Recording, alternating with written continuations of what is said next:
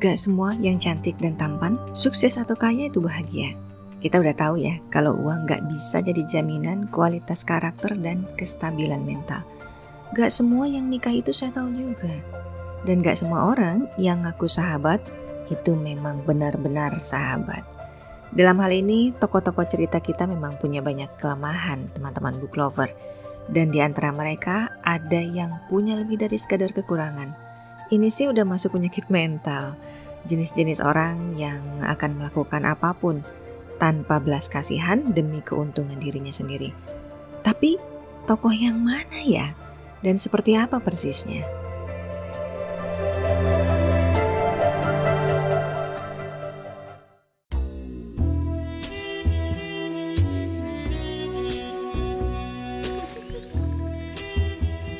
Halo, apa kabar teman-teman book lover? Ketemu lagi dengan saya Dipi di sini di episode Book Inside di DP Dave Talks. Teman book lovers, kali ini kita akan bahas sebuah buku yang jadi editor speak best mystery thriller and suspense, lalu jadi juga buku pilihan Risk Book Club Pick, juga jadi The New York Times bestseller dan one of the New York Times thrillers of 2020. Bukunya yang mana? Itu loh, buku yang ditulis oleh Lucy Foley. Ada yang sudah baca belum, teman-teman book lovers? Lucy Foley ini uh, saya ceritakan sedikit tentang penulisnya ya. Dia belajar sastra Inggris di Universitas Durham dan UCL, juga bekerja selama beberapa tahun sebagai editor fiksi di industri penerbitan sebelum kemudian dia memutuskan untuk menulis penuh waktu. Nah, ada buku pertama sebelum buku yang kita akan bahas hari ini. Buku pertamanya Lucy Foley ini judulnya The Hunting Party. Ini adalah novel kriminal debutannya yang dia punya inspirasi ini dari tempat terpencil di Skotlandia yang uh, akhirnya pulau ini jadi men-trigger imajinasinya untuk nulis novel The Hunting Party. Lucy Foley juga menulis tiga novel sejarah dan sudah diterjemahkan ke dalam 16 bahasa. Karya jurnalistiknya sudah muncul di beberapa majalah, IE, Sunday Times Style, Grazia, dan masih banyak lagi. Jadi, selain novel yang akan kita bahas uh, kali ini, Lucy Foley itu sudah punya beberapa buku, antara lain The Book of Lost and Found, The Invitation, Last Letter from Istanbul, The Hunting Party, dan ini dia buku yang akan kita bincang-bincangkan saat ini yaitu guest list dari Lucy Foley. Berikut saya akan bahas unsur-unsur cerita seperti tokoh, plot, latar, hal-hal menarik seputar buku, pesan cerita, dan rekomendasi. Oke? Okay? Jadi jangan ke mana-mana, tetap di sini di Book Insight di DVD Talks.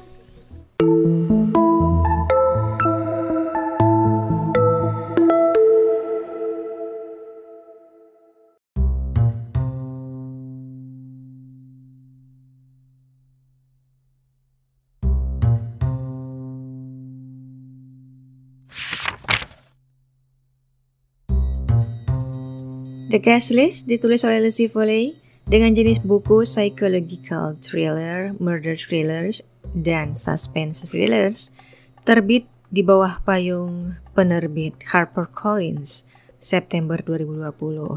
Lumayan tebalnya, 384 halaman. Tapi yakinlah kalau teman-teman book lover suka dengan genre ini, 384 halaman tuh rasanya cepet banget tamat. Harganya 177.000 dan ini bisa berubah sewaktu-waktu. Jadi, langsung saja cek-cek ya untuk yang ingin bukunya, yang tertarik dengan bukunya, nanti bisa langsung mengunjungi laman periplus.com atau ke Instagram periplus. The Guest List ini bercerita tentang sebuah pulau di pantai Irlandia yang di sana itu diadain wedding day ya. Jadi ada dua orang yang akan menikah di sana. Tokoh utama kita, pengantin prianya itu tampan dan menawan, seorang bintang televisi yang sedang naik daun dan pengantin wanitanya dia cerdas, ambisius, dan dia penerbit majalah, owner dari majalah tersebut. Jadi dua tokoh yang secara kehidupan itu sempurna, bukan cuma kehidupannya aja tapi juga fisiknya cantik dan tampan. Nah, pernikahan di lepas pantai Irlandia ini di satu pulau di sana itu itu sudah disetting dengan sangat glamor, juga dengan seksama. Ada gaun yang didesain oleh desainer, ada pesta mewah.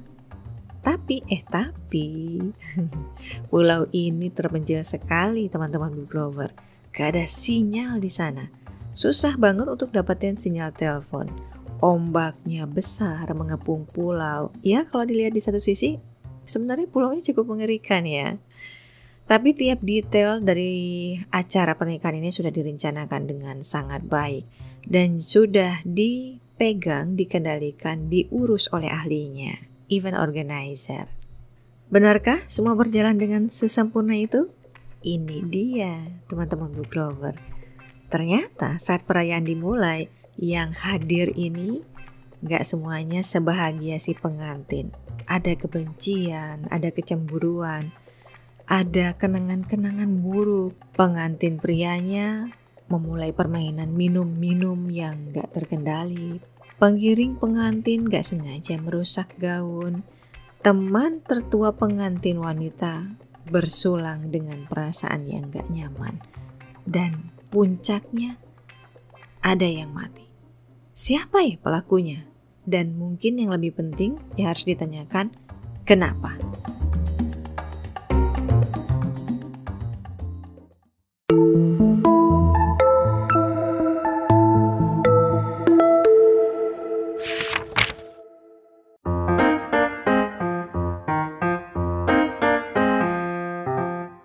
Ada beberapa tokoh di novel ini ada Aufi, Freddy, Charlie, Hannah, Will, Jules, Olivia, Juno. Di awal saya ngeraba-raba. Siapa nih yang bakal terbunuh dan siapa tokoh terjahatnya dari tokoh-tokoh yang saya sebutkan tadi ya. Plotnya bagus banget teman-teman Book Lover karena uh, penulis Lucy Foley ini bisa bikin misteri kejahatannya dibiarkan terekspos pelan-pelan Ya makanya saya tadi bilang meraba-raba siapa yang bakal terbunuh? Belum ketahuan di awal. Sampai di bagian akhir banget ini baru kita akan tahu siapa yang terbunuh dan siapa tokoh terjahatnya. Karena dia di setting seperti itu ceritanya, saya tuh ngerasain hmm, ada satu perasaan ngeri yang banget gitu yang terbangun pelan-pelan. Dan ada shockingnya gitu keterkejutan yang berulang juga Lucy Foley membuka kedok si jahat ini memang sedemikian rupa. It works for me, shocking me. Eh, nggak tahu buat teman-teman book lover ya, tapi untuk saya ini oke okay banget. Menurut Lucy Foley, tokoh-tokoh dalam novelnya ini murni imajinasi dan bukan dari real person. Dia akan ditanya dalam salah satu media uh, diwawancara dan dia ditanya apakah ini tokoh-tokohnya dia mengambil dari orang-orang nyata dalam kehidupannya karena tokoh-tokohnya memang unlikable ya.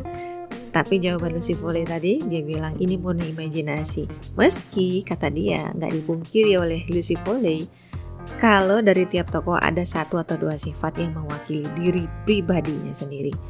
Ya, ini diungkapkan Lucy Foley dalam salah satu wawancaranya di media. Catatannya adalah semua tokoh dalam cerita ini eh, teman-teman uh, punya sisi lemah sedemikian rupa yang nyebabin mereka jadi itu dia kata saya tadi unlikable. Ada yang depresi ada yang self center ada yang egois dan penuh dendam lain sebagainya. Ini tentunya bakal nyesakin banget ya buat pembaca yang yang gak suka tipe-tipe tokoh antagonis yang sifatnya memuakkan dan negatif. Kayaknya apa ya uh, bikin kita tuh jadi sebel banget gitu nyimak ceritanya. Bahkan kayak muak juga gitu. Deskripsi tokohnya detail sangat detail karena memang setelah selesai ngebaca buku ini saya menyadari penting banget buat Lucy Foley bikin fisik tokohnya ini detail. Karena dia nanti punya unsur penguatan sisi cerita dan psikologis tokohnya. Uh, ada beberapa tokoh-tokoh yang saya masih ingat banget fisiknya Misalnya aja Ibu Jules, ini Jules ini tokoh utama di dalam cerita ini si pengantin wanita. Dia e, Ibu Jules ini punya penampilan trendy dengan jeans hitam dan kacamata hitam, rambut dipotong model bob, usianya juga nggak kelihatan tua. Kalau ngukur dari fisik anak-anaknya. Jadi ibunya Jules ini punya dua anak. Jules yang jadi pengantin wanita dan satu lagi anak perempuan adiknya Jules namanya Olivia. Nah Olivia ini juga cantik, dia punya kulit putih pucat digambarkan di novel ya, rambutnya hitam legam, langsing, uh, dan cantiknya tuh bikin apa ya, bikin orang-orang tuh nggak bisa mengalihkan pandangan begitu aja, striking gitu istilahnya tuh. Jules juga cantik banget, tapi dia berbeda dengan Olivia. Begitu digambarkan di bukunya. Kalau Jules itu badannya itu seksi gitu ya dengan lekukan-lekukan. Kalau Olivia itu langsing gitu. Jadi beda-beda. Dan ada lagi uh, yang saya ingat Auvi, Auvi ini yang punya event organizer di pulau itu.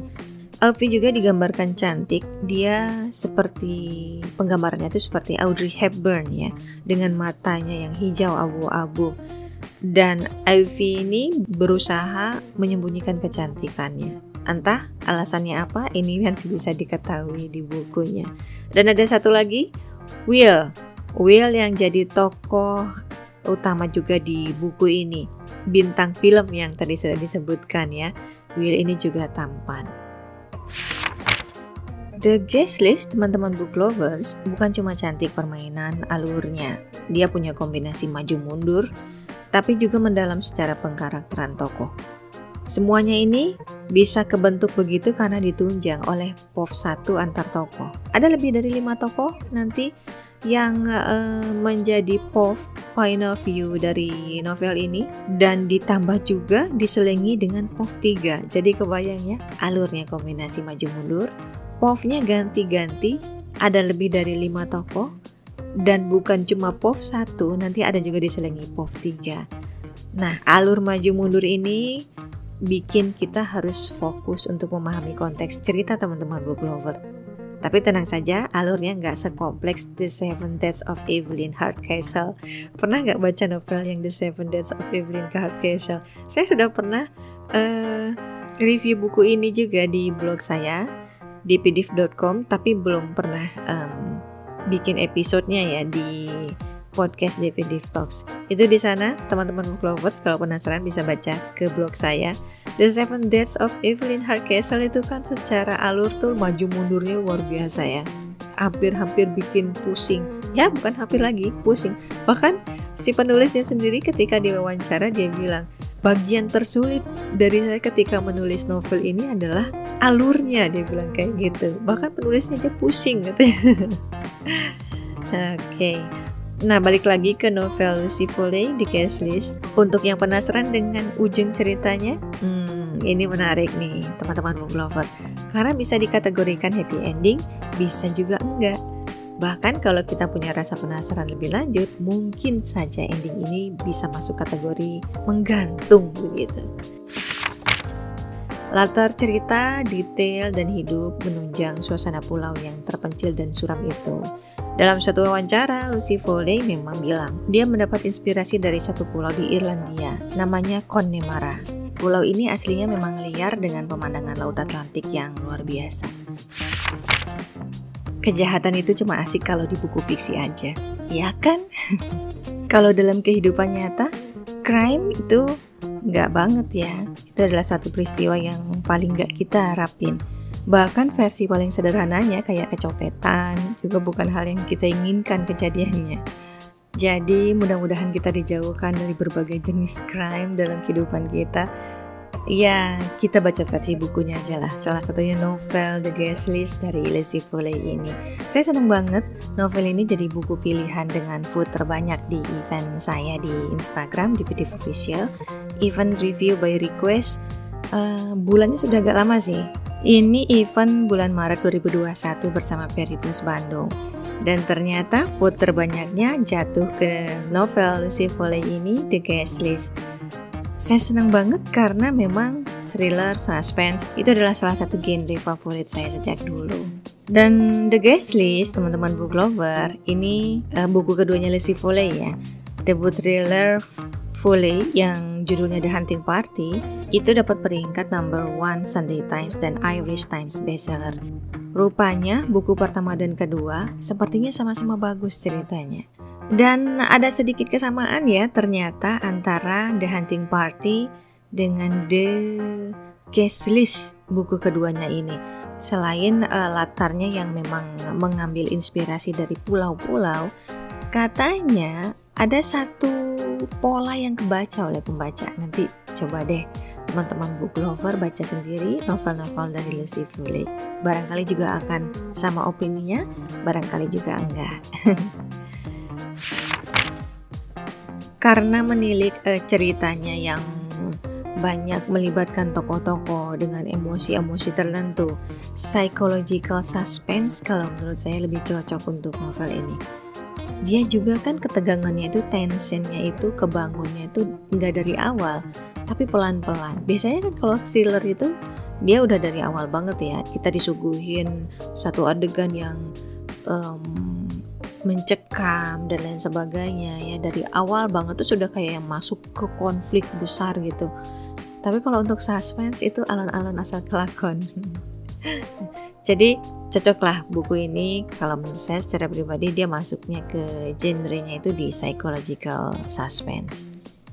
Dan bagian sepertiga awal buku ini ngingetin saya banget sama novel Nine Perfect Strangers-nya Liani Moriarty. Teman-teman pernah baca buku-buku Liani Moriarty? Kayaknya mestinya pernah ya, karena dia penulis populer untuk genre psychological suspense ini. Nah, gaya-gaya Nine Perfect Strangers itu kan begitu. Ngenalin pelan-pelan para tokoh cerita dengan POV pertama yang ganti-ganti antara satu tokoh dengan yang lainnya. Nah, di novel ini juga sama kan. Ada lima lebih tokoh yang menjadi POV satu. Dan nanti ada selingannya juga POV 3 begitu gaya buku ini. Sekali lagi cara ini seperti sebilah pisau. Sebilah pisau ya. Karena di satu sisi dia bisa bikin kita sebagai pembaca bisa memahami dan menyelami perasaan dan pikiran si tokoh dengan lebih baik. Tapi sisi lainnya ada kemungkinan ini agak berat ya. Buat para pembaca yang ya kalau terlalu banyak tokoh itu kan kadang-kadang bikin pusing. Apalagi ini dijadikan POV 1 berganti-ganti diselingi pula POV 3 begitu kurang lebih teman-teman book lover. Dan novel ini juga mungkin akan kerasa berat buat para pembacanya karena sesuai dengan sinopsis cerita, novel ini memang tentang kebencian, iri hati, sisi kejam manusia loh. Jadi ya, aduh rasanya di hati itu berat gimana gitu ya. Tapi buat yang suka dengan psychological suspense ini pas banget. Ya, bisa dicoba. Yang pembacanya nggak keberatan dengan tokoh-tokoh unlikable. Dan memang di ceritanya itu akan kerasa banget juga tokoh-tokoh ceritanya punya rahasia yang bikin novel ini terasa suram nuansanya. Deskripsi tokohnya detail, narasi dan dialog mengalir, latarnya juga hidup. Tapi, apakah misteri pembunuhannya asik buat diulik? Hmm, asik nggak ya? Ya, setelah sekian lama hati saya dipasung oleh The Silent Patient, lalu The Wife Between Us. Akhirnya saya menemukan buku pengganti di genre psychological suspense, teman-teman book lover. Buku ini bikin saya jatuh hati, serius. Saya menyatakan diri saya sudah move on. move on dari The Silent Patient dan juga The Wife Between Us. Saya move on ke The Guest List dari Lucy Foley. Novel ini menurut saya mulus mengalir misterinya dan yang paling saya suka, Lucy Foley itu membuka sisi jahat si antagonisnya itu sedemikian rupa. Jadi kayak laba-laba, Lucy Foley itu memintal jaring cerita dengan cermat hingga pembaca itu jadi terjerat dengan emosi yang intens dan endingnya yang mengejutkan. Tapi eh tapi ada kemungkinan lainnya juga. Buat yang lain, uh, buku ini kemungkinan predictable ya. Karena itu tadi gosipnya ada kemiripan dengan novel Lucy Foley yang sebelumnya, The Hunting Party. Saya sendiri belum baca novel The Hunting Party, justru karena baca novel The Guest List jadi pengen lanjut ke The Hunting Party. Oke, okay. ini The Guest List ini teman-teman book lover, dia bukan novel yang punya sensasi pada adegan pembunuhan yang berdarah-darah. No, no, no. Gak ada detail fisik korban yang rusak parah. Gak ada ya ada sih tapi sedikit banget dan di akhir cuma satu gitu ya jadi uh, bisalah dicoret gitu um, masalah adegan pembunuhan yang berdarah-darah detail fisik korban yang parah tuh nggak nggak yang dijadikan sensasi dalam cerita bukan kayak Anson Bishop dalam itu loh seri yang populer itu loh pembunuhan monyet nggak seperti itu by the way ada satu paragraf di buku ini yang ngingetin saya tentang buku non-fiksi judulnya Humankind ditulis oleh Roger Bregman. Pernah nggak teman-teman book lover baca Humankind? Ini buku non-fiksi ya. Saya sudah bikin reviewnya juga di Instagram saya di BDIV Official ataupun di blog saya di bdif.com. Nah di Humankind ini, Rutger Bregman ini dia di sana menyebutkan satu pulau, eh bukan satu pulau ya, satu buku yang judulnya Lord of Flies. Di bukunya Humankind, Rutger Bergman ini bilang kalau buku Lord of Flies ini adalah buku fiksi yang mengacaukan mindset manusia tentang karakter dasar manusia itu sendiri. Penasaran kan? Impactnya gede banget nih buku ini. Jadi eh, buat yang penasaran nanti bisa baca review saya di blog dpdiv.com untuk lengkapnya di sana ada ya. Nah di novel ini Lord of Flies ini disebut-sebut juga. Jadi kadang-kadang kita gitu ya kalau baca buku suka ada kayak kaitannya dengan buku-buku yang lain karena dia nyebutin hal-hal yang juga disebutkan di buku yang lainnya. Siapa ya tokoh yang bisa saya sukai di novel ini? Sejujurnya susah buat saya tentuin. Tipe-tipe tokohnya tuh memang unlikable teman-teman lover. Tapi mungkin kita bisa ambil hikmah dari cerita kehidupan tiap tokoh. Tanpa bermaksud untuk spoiler, dari tokoh cerita ada pesan-pesan supaya kita nggak mudah percaya dengan orang lain, bahkan dia yang mengaku sahabat kita. Lalu lebih berhati-hati memilih pasangan. Kemudian ada hikmah juga soal parenting loh di novel ini yang nanti diwakili dari tokoh si ibu yang kurang punya pendekatan emosional ke anak. Ayah si pelaku kejahatan kelihatannya juga berperan dalam pembentukan karakter negatif si pelaku. Lalu ada juga tentang bullying dan tradisi sekolah senior junior yang salah kaprah gitulah. Jadi kalau senior itu nanti ngerjain juniornya dan lain sebagainya. Ada juga tentang seks, kehamilan, dan aborsi. By the way, persahabatan lawan jenis sebenarnya menarik juga ya buat dibahas karena nanti di buku ini juga ada unsur seperti itu. Kehidupan para tokoh ceritanya, teman-teman book lovers, memang rasanya kacau balau. Dan ini bikin saya teringat satu kalimat menarik di dalam novel. Life is messy. We all know this. Terrible things happen. I learned that while I was still a child.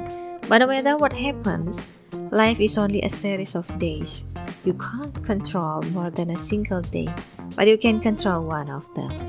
Nah, di dalam hidup selalu ada yang namanya kekacauan, bener banget. Tapi jangan sampai gara-gara itu kita jadi hilang kendali. Meski kendali itu hanya berdurasi masa kini, tapi itu mutlak sifatnya dan masa kini kita yang tentukan kan ya. Be good, do good, as best as we can do. Itu insight buku yang saya dapetin pesan cerita ya dari novel ini teman-teman book lover. Dan ada satu lagi kutipan yang menurut saya bijak juga yang ada di novel ini tentang pernikahan. Marriage is about finding that person you know best in the world. Not how they take their coffee or what their favorite film is or the name of their first cats. It's knowing on a deeper level. It's knowing their soul. Pernikahan itu bukan cuman kenal orang secara luarnya aja teman-teman Glover. Pernikahan itu lebih dalam mengenal jiwa-jiwa pasangan kita. Saya rekomendasikan buku ini untuk teman-teman baca terutama yang suka dengan psychological suspense yang grip dan tensionnya bagus dan punya ekspektasi dengan permainan alur cerita berikut tokoh yang jumlahnya cukup banyak. Tapi hati-hati ya untuk pembaca yang gak suka dengan karakter-karakter unlikable yang uh, punya tipe karakter driven ini juga mungkin nanti kalau baca novel ini rasanya too much lah begitu ya kurang cocok. Oke,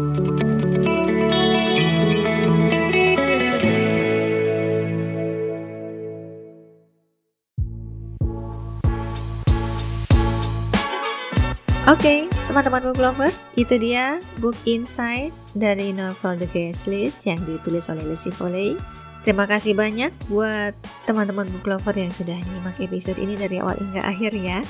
Jangan lupa follow akun GPD Talks di Anchor dan Spotify juga akun Instagram di @dpdiv underscore dan @dpdiv official.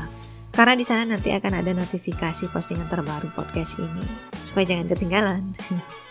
Baca-baca review buku lainnya bisa teman-teman book lover lakukan juga dengan mengunjungi laman blog saya di dpdiv.com. Kalau teman-teman book lover merasa konten podcast ini bermanfaat dan juga suka dengan konten podcast ini, jangan lupa untuk beri dukungan akun DPDiv Talks dengan cara share konten ini di Instagram Story atau media sosial yang kalian miliki. Sekali lagi, terima kasih buat teman-teman lover yang sudah dengerin dan dukung podcast saya ini. Sampai ketemu lagi di episode berikutnya. Bersama Dipi, tetaplah membaca karena membaca membuka jendela dunia. DPDiv Talks, let's encourage each other to save better future through education and book recommendation.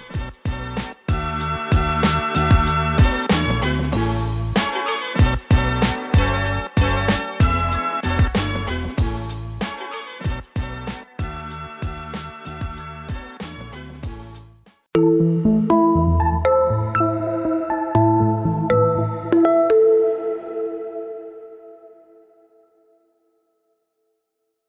semuanya, teman-teman pendengar dari podcastnya Mbak Dipi. Nama saya Airin Everin, penulis dari buku Sketsa dan Sesal. Thank you banget ya buat semua orang yang hari ini lagi mendengarkan podcast ini. Buku Sketsa dan Sesal ini adalah sebuah project yang spesial sih, udah pasti. Bermula dari eksibisi di Villa Gupondoro dalam rangka uh, ulang tahunnya Oki jika dia masih hidup dan kemudian aku ngobrol dengan Real Rich dari Omah Library katanya sekalian aja dibukuin nah itu juga sebenarnya menjawab sebuah uh, impian gitu kali ya impian bahwa uh, memang aku pengen membuat buku pengen membuat tribute untuk ya untuk si Oki ini waktu dia meninggal pun 2019 itu udah di pemikiran aku dan di pemikiran teman-teman sih bahwa kayaknya kita perlu deh bikin buku gitu. Lewat buku ini juga aku bisa ketemu dengan Setiadi Sopandi yaitu dia adalah editornya juga dia adalah suami aku sekarang. Nggak tahu sih apakah impian adalah kata yang tepat atau berupa PR gitu, PR dari uh, almarhum Oki untuk um, ya untuk membuat buku karya-karyanya dia dan kisah kita berdua. Aku terinspirasi banget nih sama Mbak Dipi, semua inisiatif yang dia lakukan baik di platform podcast ini maupun Instagram ataupun platform blog dan lainnya yang dia lagi rintis. Terus dukung Mbak Dipi ya guys, keren banget nih kalau ada influencer buku wanita yang begitu dedicated kepada kemajuan literasi di Indonesia. Teman-teman penulis yang lain, jangan ragu-ragu, jangan sungkan-sungkan untuk bekerja sama dengan DPDIV Official. She loves reading, she loves books, and she loves to help promote authors. Aku senang banget bisa kerja sama dengan Mbak Dipi dan aku yakin buat authors penulis yang lain akan senang juga bekerja sama dengan Mbak Dipi.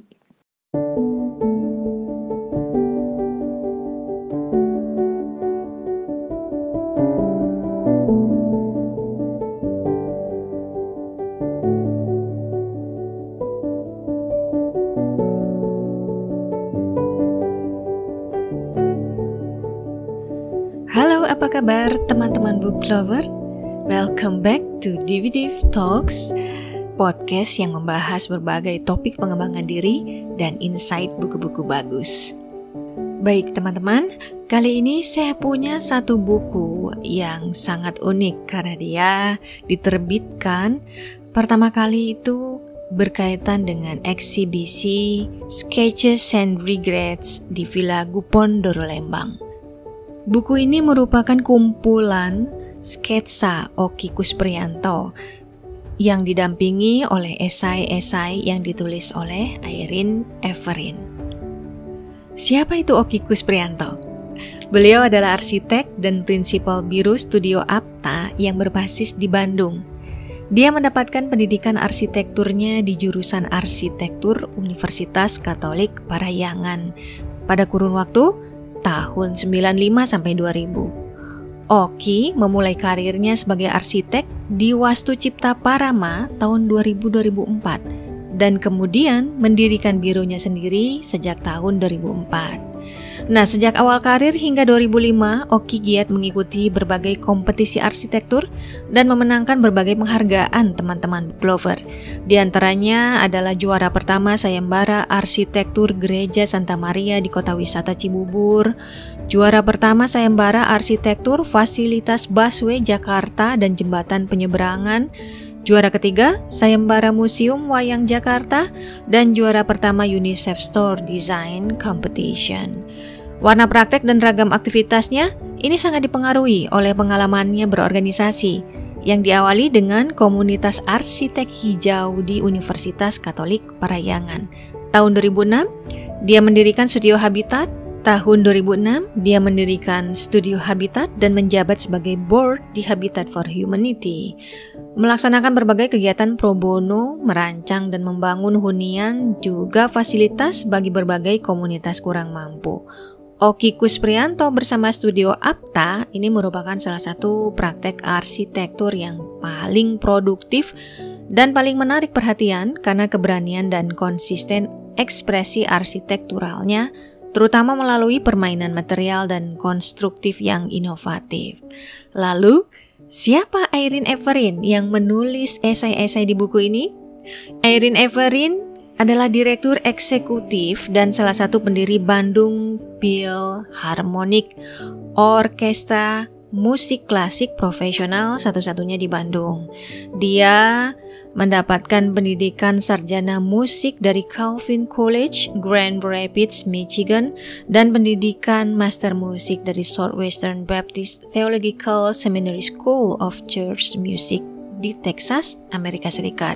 Sebagai pianis, Airin bermain solo juga tergabung bersama grup Cascade Trio tahun 2012-2019 dan Airin adalah pewaris juga pengurus Villa Gupondoro.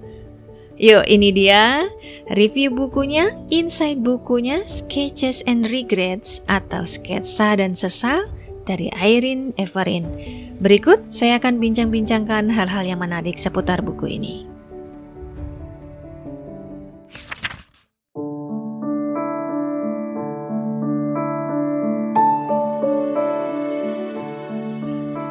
Sketches and Regrets atau Sketsa dan Sesal ditulis oleh Irene Everin, editor Setiadi Sopandi, ilustrasi Oki Kusprianto, alih bahasa Juhendi Setiawan Wu, fotografi Christian Nathanael Wijaya, jenis buku non-fiksi, masuk juga ke dalam popular architecture. Penerbit Raw Press, desain grafis Omah Library, terbit tahun 2020 dengan jumlah halaman 162, harga 100.000, dicetak dalam soft cover dengan dua bahasa.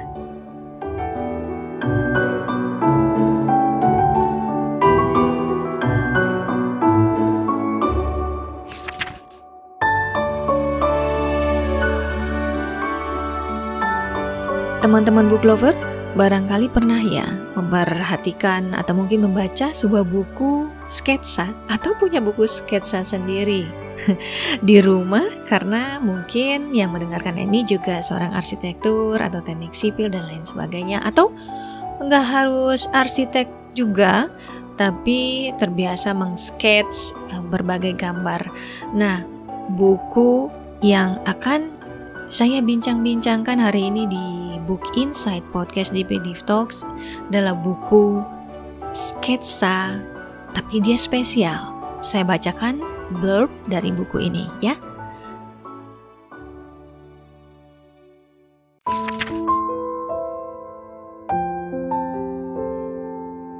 Susunan sketsa menunjukkan tahapan dalam penciptaan suatu karya dan transformasinya dilengkapi dengan esai-esai Airin yang sekaligus menuangkan kenangan akan bagian dari perjalanan kehidupan sebagai seorang istri, musisi dan penghuni Gupondoro dalam kurun waktu 2017-2019. Buku ini menunjukkan jejak pemikiran arsitek ada di dalam kehidupan orang-orang di sekitarnya. Jejak itu berupa inovasi-inovasi, keterbatasan waktu di dalam ekspektasi publik terhadap figur arsitek, yang di buku ini dijabarkan dalam bab antara lain Dusun Bambu, Seksimo, Animal Kingdom Gupondoro, Amerika, undangan pernikahan dan warung pengepul kayu.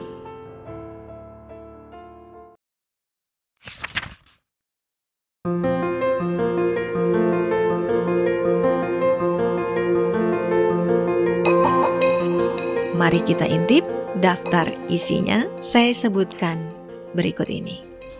Sketches, Regrets, Oki Kusprianto, Irene Everin. Bagian 1 Seksimo Dusun Bambu Animal Kingdom Grand Travelo Gupondoro Piano. Undangan Pernikahan Amerika. Gupondoro 2 Halte Bandung Sunday Coffee. Mall Cinere Bandung Philharmonic Concert Hall Bandung Philharmonic EST Fashion Gallery Semerekan Marketing Hall Babakan Siliwangi Forest Walk, Babakan Siliwangi Forest Walk, Oeso Soleil, Sawai, Office Cafe, Freud Freud Portable Concert Hall, Flame of Joy, Warung Pengepul Kayu, Warung Pengepul Kayu. Buat yang bingung dengan daftar isi yang seolah tumpang tindih barusan itu, bolehlah ya merenung sejenak bahwa buku ini Bagai dicipta oleh dua orang yang saling bersaut-sautan, yang satu lewat sketsanya dan yang satu lagi lewat esainya. Nanti kalau teman-teman book lover membaca versi ulasannya di blog saya di dpdiv.com itu ditandai dengan yang ada tanda bintang dan juga yang tidak ada tanda bintang. Yang tanpa tanda bintang merupakan daftar sketsa almarhum Oki dan yang ditandai bintang adalah deretan esai milik Airin. Kalau di versi bukunya, dia dicetak kiri dan kanan. Kiri sketsa, kanan esai. Masih bingung? Udah, beli saja bukunya dan baca sendiri ya. Ngobrolin buku sketsa dan sesal, baiknya nggak ngelewatin bagian sampulnya. Karena memang unik dan spesial banget ya. Bukan karena dia punya desain yang uh, ribet atau seperti apa begitu ya. Tapi justru karena desainnya yang simpel sederhana. Kalau saya kutipkan seluruhan Mas Satria dari Omah Library Raw Press saya ingat dia bilang kalau bukunya itu bahkan disangka salah cetak atau buku bekas oleh pembeli. Ya karena memang desainnya itu polos teman-teman book lover. Padahal desain ini memang ditentukan sedemikian rupa, ikut konsepnya yang menyerupai buku sketsa. Karena hakikatnya sketsa dan sesal memang buku yang diperuntukkan ya, sebuah tribute untuk almarhum Oki, sebuah buku yang berangkat dari satu event eksibisi di Gupondoro. Andai aja kalian tahu, Buku ini punya nilai romantis yang gak kalah loh dari novel-novel percintaan yang bahkan paling mengharukan yang pernah saya baca. Ini saya serius. Di halaman akhir buku, ini akan ada satu jepretan buku sketsa. Buku sketsa terakhir milik Oki Kusprianto. Yang mirip dengan gaya sampul depan buku sketsa dan sesal ini. Hanya saya nggak tahu ya warnanya apakah sama atau enggak karena di buku itu halamannya dicetak uh, warna hitam putih mengikuti konsep sketsa ya. Dan saya juga nggak nanya ke Airin. Ya untuk beberapa hal buat saya sih menduga-duga lalu mengimajinasikan jawabannya kadang lebih mengena buat saya. Ya biarlah buku ini makin romantis dalam benak saya e, bersamaan dengan saya baca tulisan di bawah gambar buku sketsa itu saya bacakan ya buku sketsa terakhir Oki Kusprianto, hadiah ulang tahun ke-41 dari Irene Everin. Sketsa dan sesal ini dibuka oleh sebuah prakata dari Setia Sopandi. Coba teman-teman book lover, Anda cek di Google. Setiadi Sopandi ini seorang arsitek profesional, pengajar dan sejarawan arsitektur. Dia lahir, dibesarkan dan berdomisili dan berpraktek arsitektur di Bogor. Tapi juga sering beraktivitas mengajar di Universitas Pelita Harapan Karawaci. Setiadi Sopandi ini editor untuk sketsa dan sesal. Nah, sampai di sini waktu saya baca prakata ini dari Setiadi Sopandi, kesan yang saya dapetin adalah buku ini dapat penanganan yang maksimal ya dari seseorang yang memang punya kompetensi di bidangnya. Ini buku sketsa arsitektur yang bernarasi dan buku ini diurus oleh seorang sejarawan arsitektur yang juga arsitek profesional. Tepat sekali kan? Dan begitu saya tahu Setiadi Sopandi ini adalah suami kedua Airin Everin sepeninggal almarhum Oki saya jadi dapat satu kesan lagi yang lebih dalam terkait bukunya bahwa betapa bisa sangat personalnya sebuah buku itu tercipta. Saya mendapati tulisan Setiadi Sopiandi ini di luar ekspektasi saya loh. Baik dalam pilihan diksi maupun pendekatan pemaparan. Karena kan saya pemikirannya itu bahwa arsitek itu kaku dan teknis ya. Jadi kalau membayangkan tulisan yang ditulis oleh arsitek ini mestinya baku dan bergaya informatif bahkan ilmiah lah begitu kurang lebih. Kurang lebih. Apalagi Setiadi Sopandi kan seorang pengajar. Tapi yang saya temui justru kebalikannya. Teman-teman book lover. Prakata yang ditulis Setiadi Sopiandi ini sebuah narasi bercerita dengan sentuhan sisi emosi yang apa adanya. Penasaran? Teman-teman harus baca sendiri ya, atau bisa juga uh, melihat tulisan saya di blog dpdiv.com karena di sana saya kutipkan beberapa isi buku persis sama dengan yang ada di dalam bukunya. Sekarang mari kita masuk ke isi bukunya. Yang di bagian pertama ini kasih kita satu pemandangan sketsa teman-teman book lover Pemandangan sketsa sebuah bangunan bernama Seksimu. Saya yakin buat pembaca yang paham bidang ini pasti akan bisa nikmatin ya sketsa-sketsa seperti yang ada di buku ini. Sebuah goresan ide yang pastinya punya makna di mata sesama arsitek atau orang-orang teknik. Persis banget seperti yang disampaikan setia di dalam prakatanya yakni sering kali tampak bagai coret-coret tak bermakna dan tak berguna bagi orang lain, yang itu sebenarnya punya cerita dan arti tersendiri, yang mengisyaratkan kegigihan dalam menghasilkan karya, sebuah inspirasi, tahapan proyek atau ide-ide. Jadi saya yang awam ini akhirnya berhenti sejenak memandangi sketsa ini teman-teman book lover. Dan dalam upaya saya untuk melihat dari perspektif yang lain, saya tentu saja dibantu kembali oleh mesin pencari Google. Di halaman sketsa ini ada barcode yang letaknya di bagian kanan ujung atas kertas ya. Nah, ini kita scan dan barcode ini akan eh, terus ada di sebagian besar isi buku. Selain saya memindai barcode, saya juga menuliskan kata kunci seksimu untuk kedapetin gambaran real bangunannya. For your information, meski saya ini warga berKTP Bandung, saya belum pernah ke Seksi Mall. Dan gara-gara buku ini, saya justru pengen banget bisa ke sana. Apalagi sekarang petanya sudah tersedia, karena tadi barcode-nya ini mengarahkan kita ke map ya. Barangkali penafsiran kami orang awam sangat terbatas ya pada kekaguman transformasi gambar tangan menjadi sebuah bangunan berwujud. Minus penafsiran sketsanya dari kacamata ilmu arsitektur. Tapi di mata kami orang awam, ini amazing banget.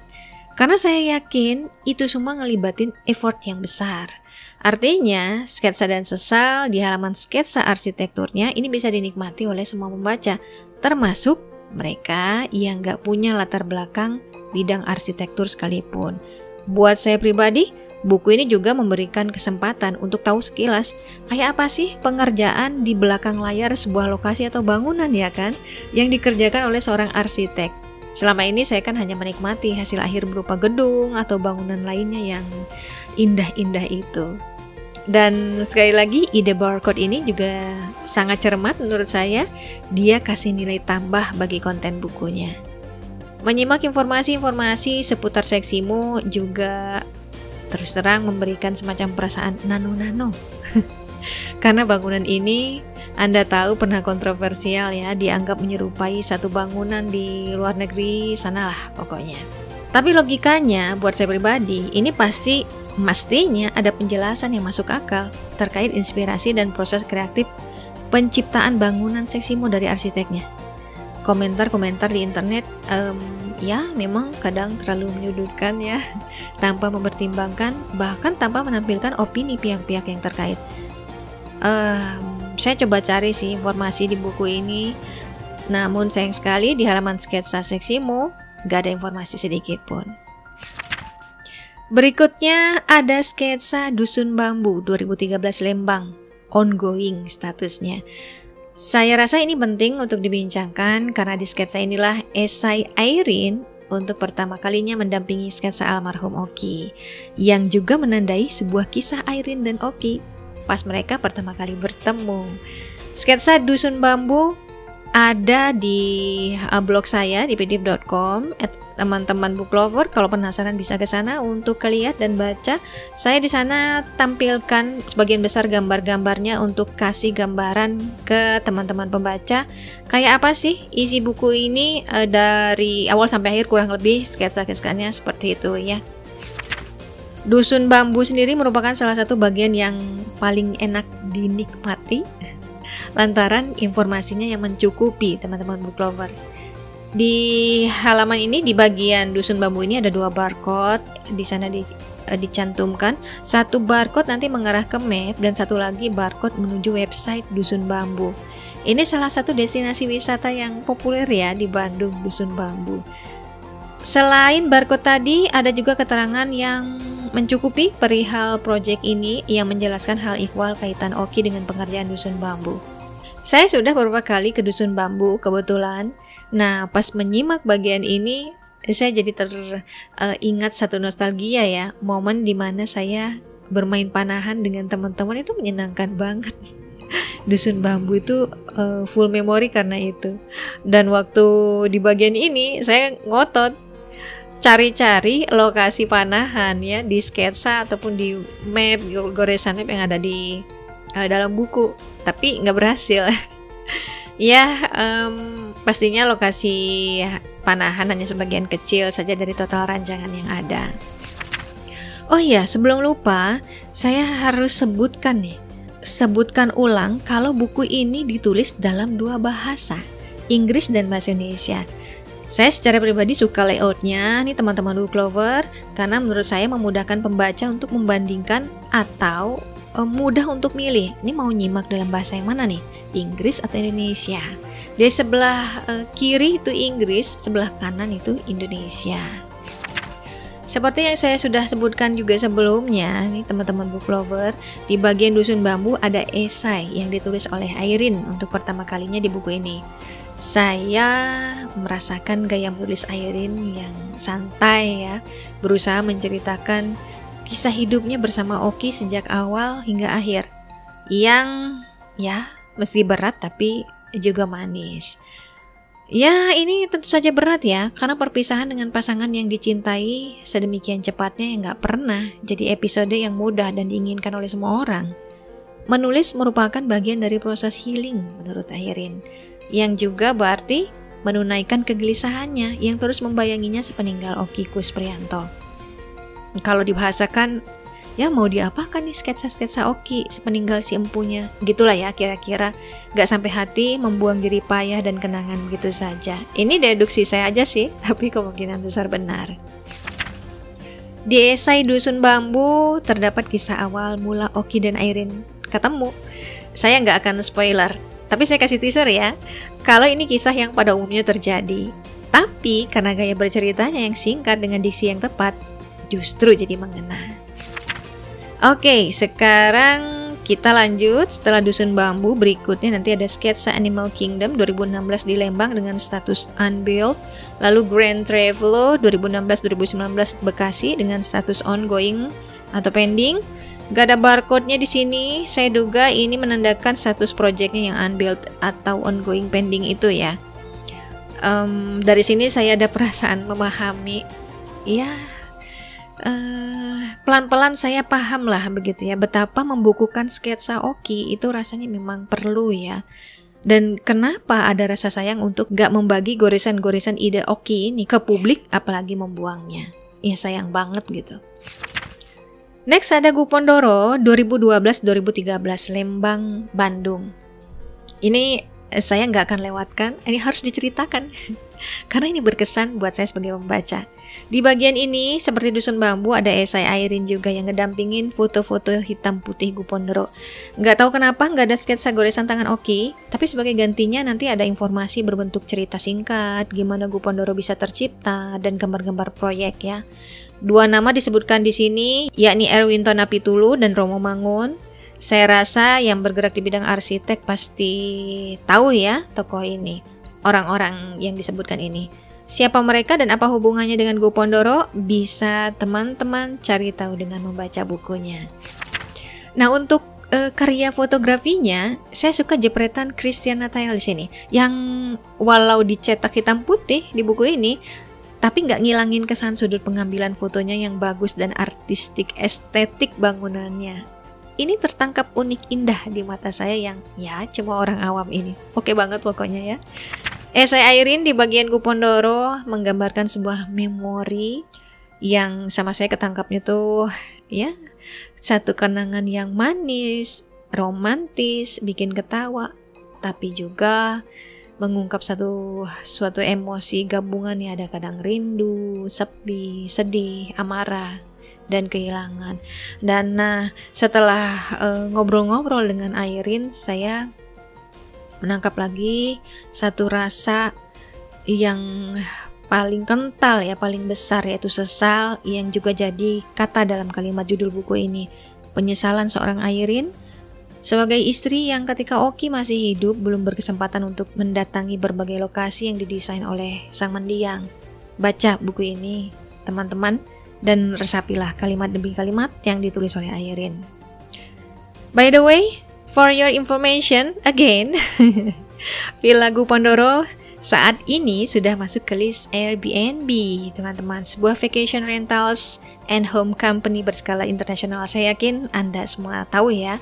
Dan di tiap weekend, Villa Gupandoro itu ramai menerima tamu dari berbagai lokasi. Ratingnya itu sudah sampai di 4.75. Bisa juga disewa di weekday ya tentunya. Jadi bagi yang uh, tertarik berminat ke sana, ini bisa sewa Villa Gupandoro. Selain karya-karya Oki yang bentuknya bangunan, lokasi bangunan begitu kurang lebih, di dalam buku ini ada juga yang ya bukan berbentuk lokasi uh, bangunan. Misalnya desain undangan pernikahan Oki dan Airin yang unik ya, undangan yang arsitektur musik banget. Lalu juga cerita waktu mereka ke Amerika dan peran Oki di Bandung Philharmonic. Ini juga penting ya karena Airin kita tahu um, founder dari Philharmonic. Jangan lewatkan pula di buku ini ada babakan Siliwangi yang terkenal menjadi uh, lokasi foto-foto Instagramable di Bandung. Ini jangan dilewatkan karena orang di balik perancangnya adalah Oki Kusprianto, teman-teman book lover. Nah, saya uh, dijamin lah ya. Setelah baca buku ini kalau ke Baksil lagi ke babakan Siliwangi, ini pasti inget fakta ini. Ya begitulah hakikatnya manusia ya yang ketika dia sudah tiada, karyanya akan terus dikenang, dibicarakan, dan meski nggak ada yang benar-benar abadi di dunia ini, dan uh, apa ya, juga akan selalu ada pihak-pihak utama yang bekerja mewujudkan dari balik layar, kayak Oki yang arsitek. Um, tetap saja ini berhasil meninggalkan jejak kan? Jejak karya itu luar biasa. Mempublikasikan sketsa-sketsa Oki yang dilengkapi esai Airin menurut saya menjadi tujuan diterbitkannya buku, yakni merekam, mengenang, dan mengenalkan siapa Oki Kusprianto berikut karya-karyanya. Selebihnya, saya kira teman-teman bisa mencari tahu sendiri lebih lanjut detail isi buku ini, tentu saja dengan membaca bukunya langsung ya. Masih ada sketsa hall Tebis, Sumerican Marketing Hall, Oasis Sole, Office Cafe di Lembang, Portable Concert Hall Bandung, Philharmonic, dan lain-lain yang sengaja saya nggak bahas di podcast ini. Um, silakanlah langsung saja beli bukunya, baca bukunya ya. Sketsa dan Sesal adalah sebuah buku arsitektur yang personal yang menyentuh perasaan. Demikian menurut Satria A. Permana dari Oma Library, Raw Press Publisher. Dan saya setuju 100% dengan pendapat ini. Sketsa dan Sesal punya konsep yang unik, yang baru pertama kali saya temuin. Hingga secara total buku ini ngasih saya pengalaman membaca yang sama sekali baru dan berkesan.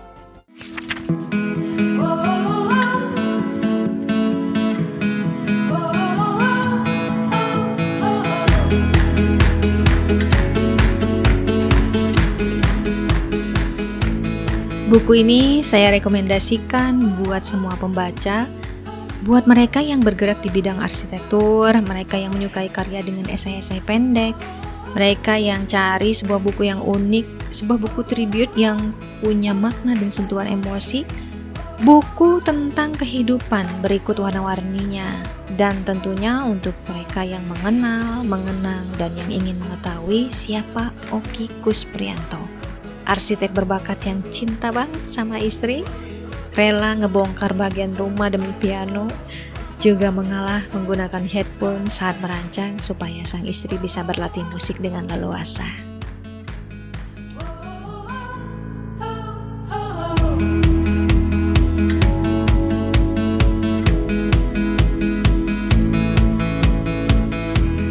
Itu dia book Inside buku sketsa dan sesal atau Sketches and Regrets karya Irene Everin. Jangan lupa follow akun DVD Talks di Anchor dan Spotify, teman-teman book lover.